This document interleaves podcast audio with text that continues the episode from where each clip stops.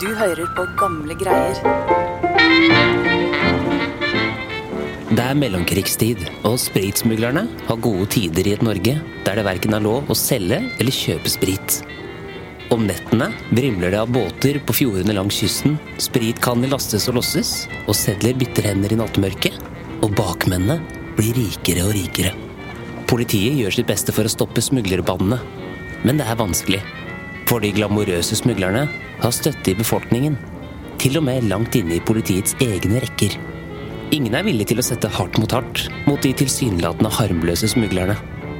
Helt til en natt i 1923, hvor glansbildet for alvor slo sprekker, og smuglerne ble lagt for alt. Så hørte vi de skrek. De skrek om hjelp. Vi er ikke lettere, vi er politi Berg og Lauritzen på Bygde politistasjon. Og vi har låsa så mye blod nå som vi kan få noe hjelp.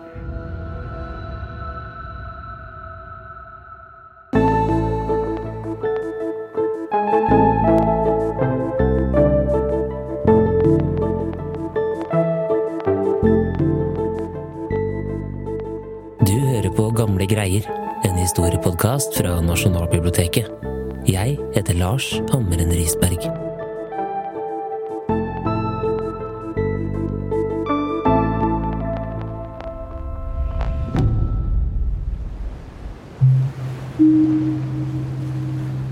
Våren kom seint til Oslo i 1923. I slutten av mars lå snøen fortsatt tjukk og råtten over Bygdøy i Oslofjorden, og de innerste delene av fjorden var fortsatt dekket av is. Det var påske, og to svære karer kledd i vindjakker satte spor i snøen der de gikk utover mot stranda i kveldsmørket. Live Fele Nilsen, historiker og journalist på Nasjonalbiblioteket. De to herrene var politibetjent Berg og politibetjent Lauritzen, to av Bygdøy-politiets aller stauteste karer. For politiet hadde nemlig fått inn et tips om at det denne natten skulle losses et stort lass med sprit på Bygdøy. Det var nemlig ulovlig å kjøpe og selge sprit i Norge på denne tiden, altså forbudstiden, som varte fra 1916 til 1927.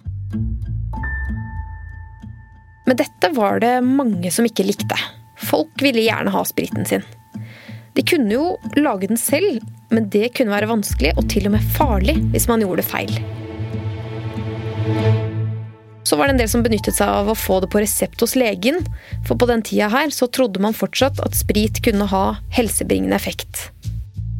Men man fikk jo ikke så mye av gangen, da, og det var jo litt kronglete å måtte gå til legen og fake sykdom hver gang man ville ta seg en drink. Så da satt man jo igjen med ett siste alternativ, nemlig å kjøpe det av smuglere. Og dette var det mange som gjorde. Og det gjorde at mange så på spritsmuglerne som snille kriminelle. De kunne til og med få en slags heltestatus og var sett på som ganske kule. Så derfor var det ganske mange som ble smuglere. Eller så ble de lettere, som det ble kalt hvis man snyltet på andre smugling, altså stjal sprit fra smuglerne. Så smuglerlivet, det var nesten litt eh, glamorøst, det. Ja, litt sånn Speak Easy-aktig, som vi kjenner det fra Peaky Blinders-serien, eksempel. Og med masse sånne kule karakterer med gøye navn. For så var det en som ble kalt for Mannen fra havet. Og så var det en skikkelig storsmugler som ble kalt for Gulosten. Og begge disse var med i et omfattende kriminelt nettverk der det var snakk om store penger. Og politiet var ikke så veldig harde mot disse smuglerne. Faktisk så var det en kjent sak blant smuglerne at mange politimenn så gjennom fingrene på det, eller til og med tjente en ekstra slant på det selv under bordet. Og en av disse to karene på Bygdøy, han som het politibetjent Lauritzen, han gikk det rykter om blant smuglerne at var ganske grei å ha med å gjøre, for å si det sånn. Så Berg og Lauritzen de var nok ikke særlig redde der de gikk nedover stranda på Bygdøy for å sjekke om det var noe i dette tipset de hadde fått inn. Ganske snart fikk de øye på noe mistenkelig. Berg og Lauritzen så at det var folk som gjemte seg i skyggene på stranda. Og de så at det var en båt på vei innover gjennom en råk i isen, og at det satt noen karer i båten. Så de skyndte seg fram og fikk tak i kanten. Men før de rakk å gjøre noe mer, så klatret de tre karene ut av båten og forsvant i mørket. Og når politimennene tittet ned i bunn, så fikk de se at den var stappa full av spritkanner. Ja, så da fikk de lønn for strevet. Ja, det var et skikkelig kupp. Og det var altfor mye til å bære med seg ned på politistasjonen, så de fant ut at de måtte prøve å skaffe en vogntaxi som kunne frakte alt sammen bort dit. Men dette her er jo selvfølgelig før mobiltelefonen, så de måtte først få tak i en telefon, sånn at de kunne ringe etter en vogn. Og de visste at på naboøya, som lå bare rett på den andre siden av det trange sundet fra der de sto på stranda, så bodde det en mann som het Pettersen. Og han eide en telefon. Så de bestemte seg for å ro over dit og be om å få låne denne telefonen. Så de kom seg over og banka på hos Pettersen og fikk låne denne telefonen. Og mens de satt og venta på vognmannen, så ble de sittende ganske lenge inne i varmen hos Pettersen. Og etter en lang stund så tok de da på seg vindjakkene igjen og gikk ut i kulda og ned til prammen og begynte å ro over til Bygdøy igjen.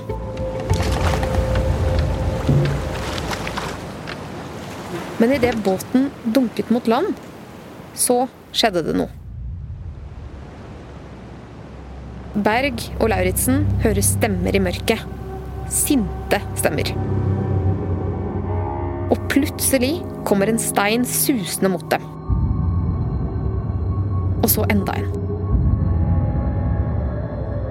Og ut av skyggene så ser de at flere skikkelser kommer mot dem.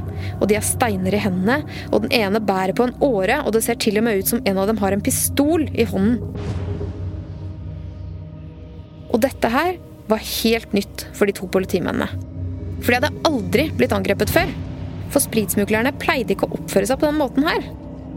Og de skjønte at det måtte være fordi smuglerne ikke skjønte at de var politi, men trodde at det var det som ble kalt for lettere. Altså kriminelle som stjal fra andre kriminelle. Og lettere ble ikke pent behandlet av smuglere. Så Berg og Lauritzen ble jo ganske redde. De rakk nesten ikke å tenke seg om engang, men de skjønte at de måtte komme seg vekk så fort som mulig. Så de begynte å dytte båten ut fra land igjen. Men nå hadde karene kommet helt bort til båten, og den ene veivet med åren så den traff bakhodet til Berg med et hardt smell. Og Berg falt over ende i båten. Og Lauritzen klarte å dytte dem litt lenger ut på vannet, men så følte han plutselig en skarp smerte i nesa, for en svær stein hadde truffet han midt i fjeset. Og han også falt over ende i båten. Og båten begynte å drive utover i råken i isen, mens de to politimennene lå i bunnen av båten og kjente steinene hagle rundt dem. Så smeller det fra et skudd i mørket, og det gnistrer fra den ene spritkannen ved siden av dem i båten.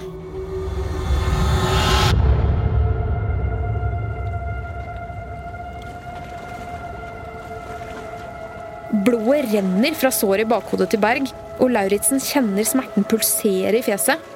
Det er iskaldt der ute på vannet, og de aner ikke hvor lenge de har ligget sånn. Og de aner heller ikke hvordan de skal komme seg ut av den farlige situasjonen som de er i. Men plutselig så hører de en lyd i natten. Det er lyden av en båt, og den blir sterkere og sterkere.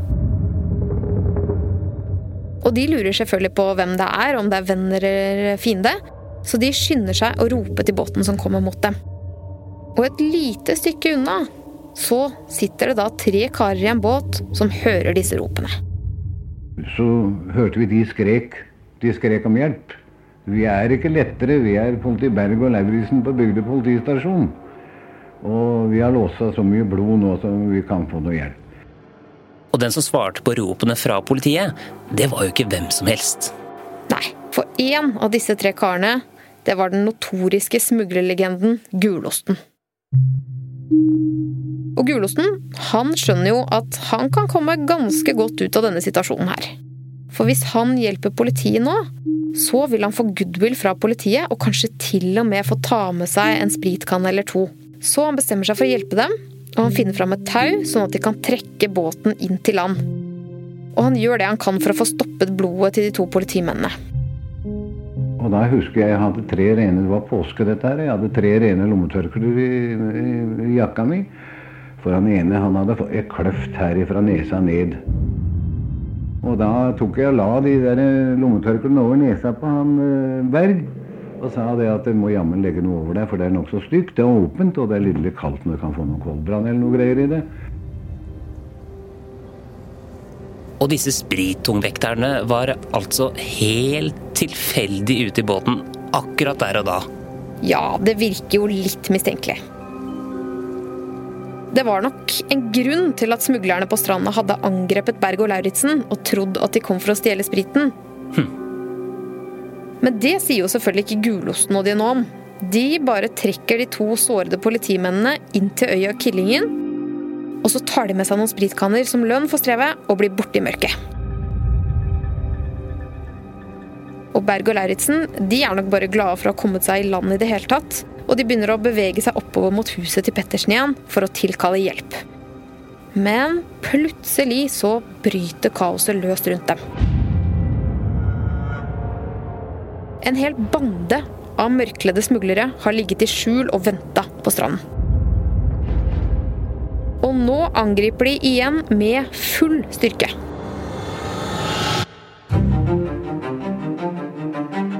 Og Berg og Lauritzen, iskalde og skadde, de samler alt de har igjen av krefter og løper oppover mot huset til Pettersen med denne rasende banden i hælene. Og de kan slippe inn disse to sårede politimennene som kommer løpende forbi kjøkkenvinduet deres. Og mens Berg og Lauritzen får igjen pusten, så ser Heroffer Pettersen ut av vinduet. Og der ute ser de menn med redskaper i hendene, og de ser at en båtsake har blitt kasta hardt mot inngangsdøra deres. Men nå ser det ut til at bandene har gitt opp jakten, og at de vender nesa ned mot stranden igjen. Og der nede venter jo båten med sprit fortsatt. Ja. Men nå begynner smuglerne å få dårlig tid, Ganske snart kommer flere politifolk til syne ute på Bygdøy. Det er full utrykning. Og der finner de flere skikkelser som prøver å snike seg bort fra åstedet. Og selv om mange hadde klart å bli borte i natta allerede, så klarte politiet å få tak i en liten gjeng på en seks-sju stykker og ta dem med seg ned på politistasjonen. Og de tar også med seg all spriten de finner, selv om de skjønner ganske raskt at det er mye som har blitt borte i løpet av natta. Og hva skjedde med Berg og Lauritzen? De ble frakta til legen med en gang. Og det tok faktisk ganske mange dager før de hadde kommet seg nok til å avgi forklaring, for de var veldig stygt skada. Og imens så hadde historien da spredt seg i alle avisene, selvfølgelig. Fosens Blad mandag 26.3.1923. Smuglerne mishandler politiet.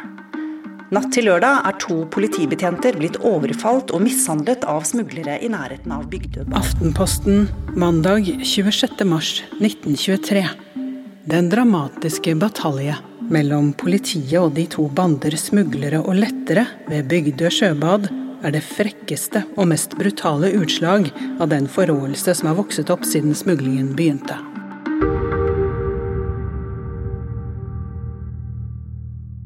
Og dette her var jo et helt annet bilde av smuglere enn folk hadde hatt før. Ja, for dette var jo ikke noe glamorøst Robin Hood-aktig. Det var bare mørkt og voldelig. Plutselig så begynte folk å skrike etter pågripelsen av denne Bygdøy-banden. Sosialdemokraten, lørdag 24.3.1923. Vekk med spriten! Smugler- og langervirksomheten antar stadig frekkere former. Politiet satte alle ressurser inn i denne etterforskningen her. De arresterte mange folk de visste om fra før av i miljøet, bl.a. Gulosten, som hadde hjulpet politiet inn til land. Men selv om de hadde veldig mange vitner, så ble ikke politiet noe klokere på hvem som sto ansvarlig. For alle sammen fortalte forskjellige historier. Og det var helt umulig å si hvem av dem som fortalte sannheten, eller deler av sannheten, og hvem som bare snakka bullshit. Dette her var jo ikke lett for politiet, så hvilke konklusjoner dro de? De skjønte jo at det hadde vært en gjeng med smuglere der, og at det mest sannsynlig hadde vært en gjeng med lettere også. Men hvem som var hvem, og hvordan alt hadde foregått, det var helt umulig å si. Men det var et annet problem også. Nemlig at ikke politimennenes historie hang helt på greip. Ja, der var det rett og slett noen hull. Ja, for de forklarte at de hadde konfiskert båten med spriten klokka halv ti om kvelden, og rodd over til Killingen rett etterpå. Men de hadde blitt sittende hos Pettersen i nesten to timer, selv om de visste at det var smuglere på ferde, og selv om de hadde forlatt båten nede på stranda full av spritkanner til veldig store summer. Og selv om alle var på Berg og Lauritzen sin side og støttet dem, så virket det kanskje som om de ikke var helt 100% ærlige om hvordan dette hadde foregått. Og man kan jo tenke seg at de hadde noe å skjule.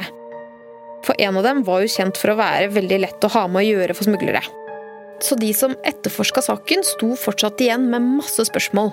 Og det største var jo hvem det var som sto ansvarlig for smuglingen og angrepet. Men så skjedde det noe.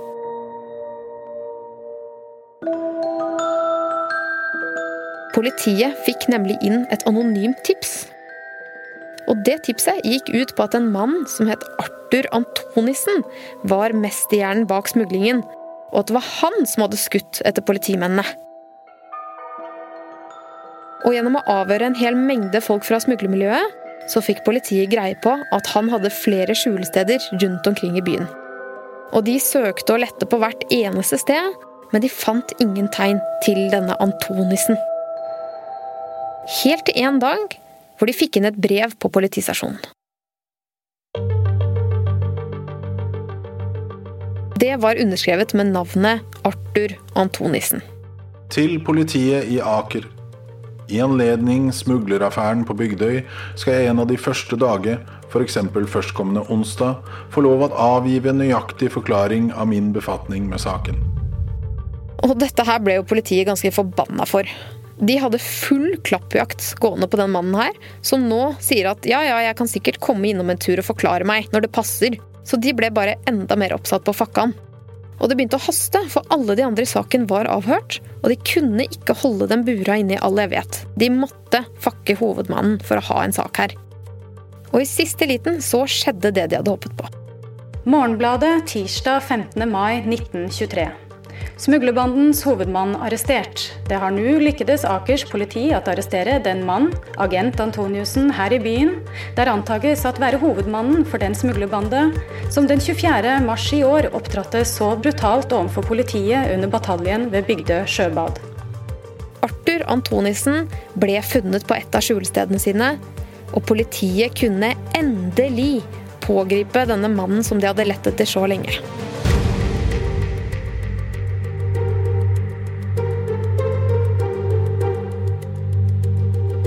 Og da de begynte avhørene, så kom det en overraskende historie fram.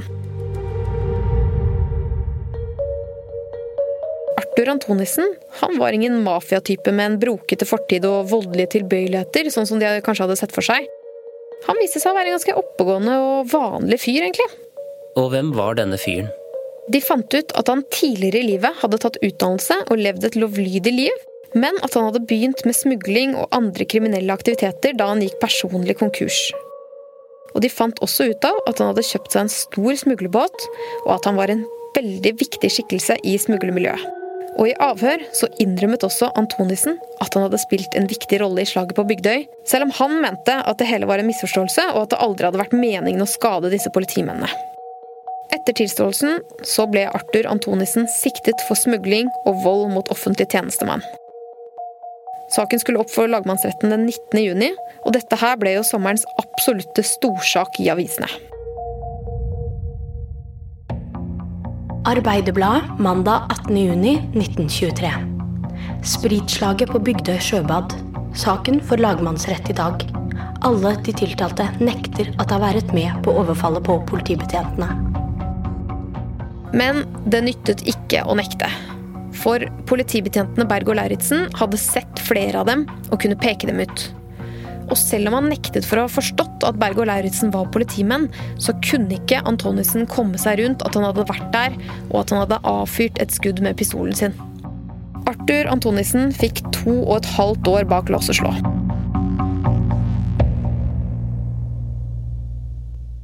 Men til tross for en langvarig rettssak så ble det aldri helt klarhet i hva som hadde skjedd der ute på Bygdøy, hvilken rolle politiet har hatt, og om gulostene de andre i båten hadde vært på rett sted til rett tid, eller om de hadde hatt skumlere hensikter. Og det finner vi aldri ut av heller, for med dommen endte rettssaken fra det voldelige spritslaget på Bygdøy.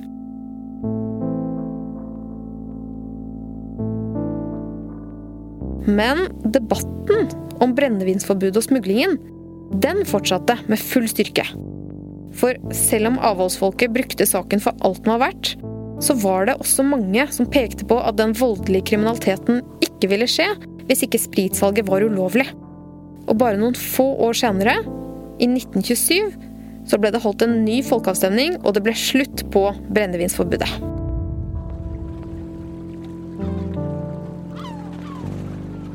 Det gikk bra med Berg og Lauritzen, selv om Lauritzen fikk en permanent skade i ansiktet.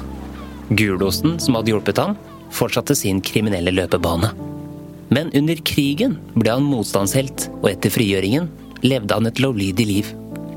Arthur Antonissen, mesterhjernen bak det hele, begynte å skrive mens han satt i fengsel.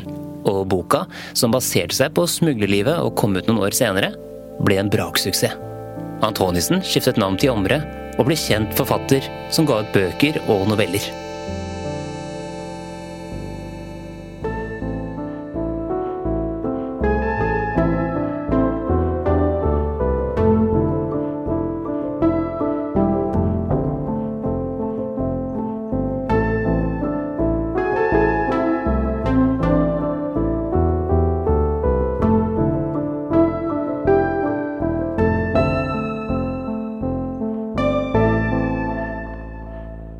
Synes du det er spennende å høre krimhistorier fra virkeligheten? Da må du følge med nå. Gamle Greie-redaksjonen inviterer til live Gamle Greie-kveld her på Nasjonalbiblioteket. I løpet av kvelden vil du få høre om mestertyven Elias Tønnesen, som skapte avisoverskrifter og fikk rockestjernestatus pga. sine spektakulære rømninger. Vi får høre om bordellmammaen Abelona, og ikke minst historien bak forbryteralbumets aller tidligste portretter. Kjeltringene som måtte bøte med livet ved halshugging, etter å ha gjennomført et bondefangeri som ikke gikk helt etter planen. Arrangementet er et formidlingssamarbeid med Arkivverket, som siden 2016 har arbeidet med å digitalisere og tilgjengeliggjøre Forbryterarkivet og dets historier for allmennheten. Mange av forbryterportrettene kan dessuten ses i utstillingen Labyrint på sporet av Harry Hole. Vi setter opp omvisninger i utstillingen både før og etter arrangementet. Mer informasjon om arrangementet og hvordan du kan melde deg på, finner du på nb.no. Du har hørt en episode av Gamle greier. Episoden er laget av Live Fele Nilsen, Ragna Nordenborg og meg, Lars Hamren Risberg. Denne historien er bygget på avisartikler fra Nasjonalbibliotekets arkiv, intervju med Johannes Gulåsen Andersen i en NRK-reportasje fra 1966, og boka Ingen vei hjem, Arthur Omre, en biografi av Espen Søby. Du har hørt musikk fra Epidemic Sound, og du har hørt musikk fra Therese Aune. Du finner mer av Thereses musikk på thereseaune.com, eller der du strømmer musikk til vanlig. Mitt navn er Lars Hammeren Risberg. På gjenhør.